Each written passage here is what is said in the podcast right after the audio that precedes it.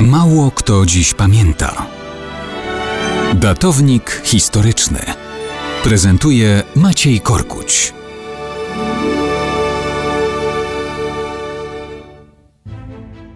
Mało kto dziś pamięta, że jutro będzie rocznica 5 września 1911 roku.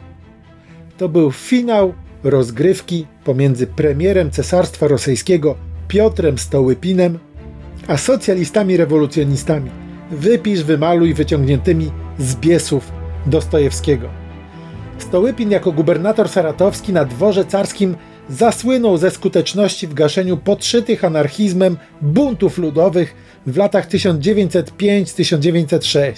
Wtedy to swoją aktywnością i zdolnościami negocjacyjnymi uśmierza chłopskie ruchawki. To doprowadza zawodowych anarchistów do wściekłości.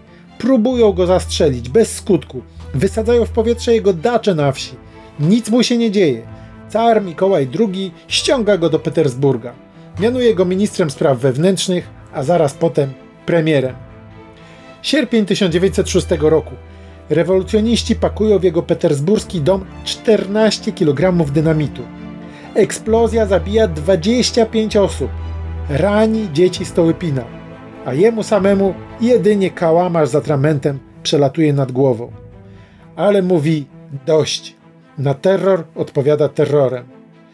Rozpoczyna aresztowania. Wojskowe sądy doraźne wydają ponad 3000 wyroków śmierci. Terror rewolucyjny zostaje na pewien czas sparaliżowany. Udane reformy Stołypina mają szansę odmienić i wzmocnić Rosję. Tym bardziej zostaje uznany za głównego wroga tych, którzy chcą podpalić Stary Świat. 1 września 1911 roku Stołypin uczestniczy wraz z carem w odsłonięciu pomnika w Kijowie. Wieczorem udają się do opery. Cała sala jest obsadzona przez 120 tajnych i mundurowych policjantów i żandarmów.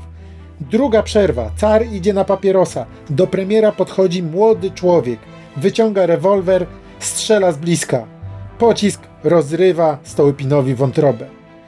Przez cztery dni jeszcze będzie walczył o życie. 5 września przegrywa.